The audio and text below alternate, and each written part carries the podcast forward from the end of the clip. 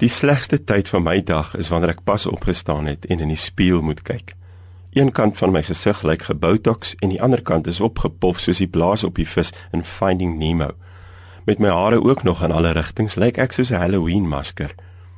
Ek het lankal besef dat ek nie my eie waarde of my selfbeeld aan my voorkoms moet probeer vasmaak nie.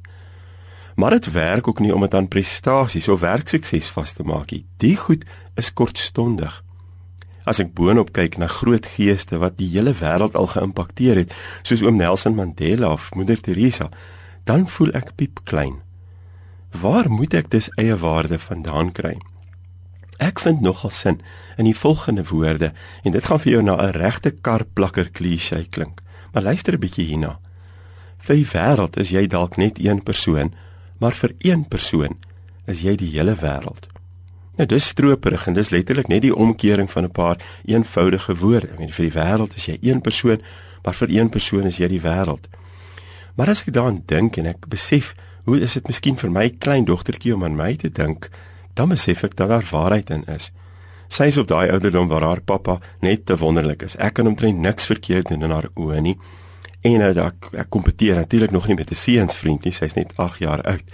So dit is so, jy weet, ek is haar hele wêreld. Dis ook so, jy weet met 'n met 'n jong seun wat 'n straatkind is en met 'n ander gesinnetjie wat 'n werklose mamma en twee kindertjies is vir wie ek sorg. Ek is baie maande hulle hele wêreld. Ek is seker jy het stories van jou eie wat so is. Ons is gemaak om sout en lig vir ander mense te wees. As ons die wêreld vir hulle geur gee en die mooi daarin vir hulle sigbaar maak, word ons vir hulle onmisbaar. En dis die hele idee. Jesus het gesê, "Julle is die lig vir die wêreld." As jy vandag die lig kan wees vir een persoon wat op een of ander manier blind is, dan word jy sy hele wêreld. Die vraag is of jy mense so raak sien. Is hulle die fokus van jou lewe?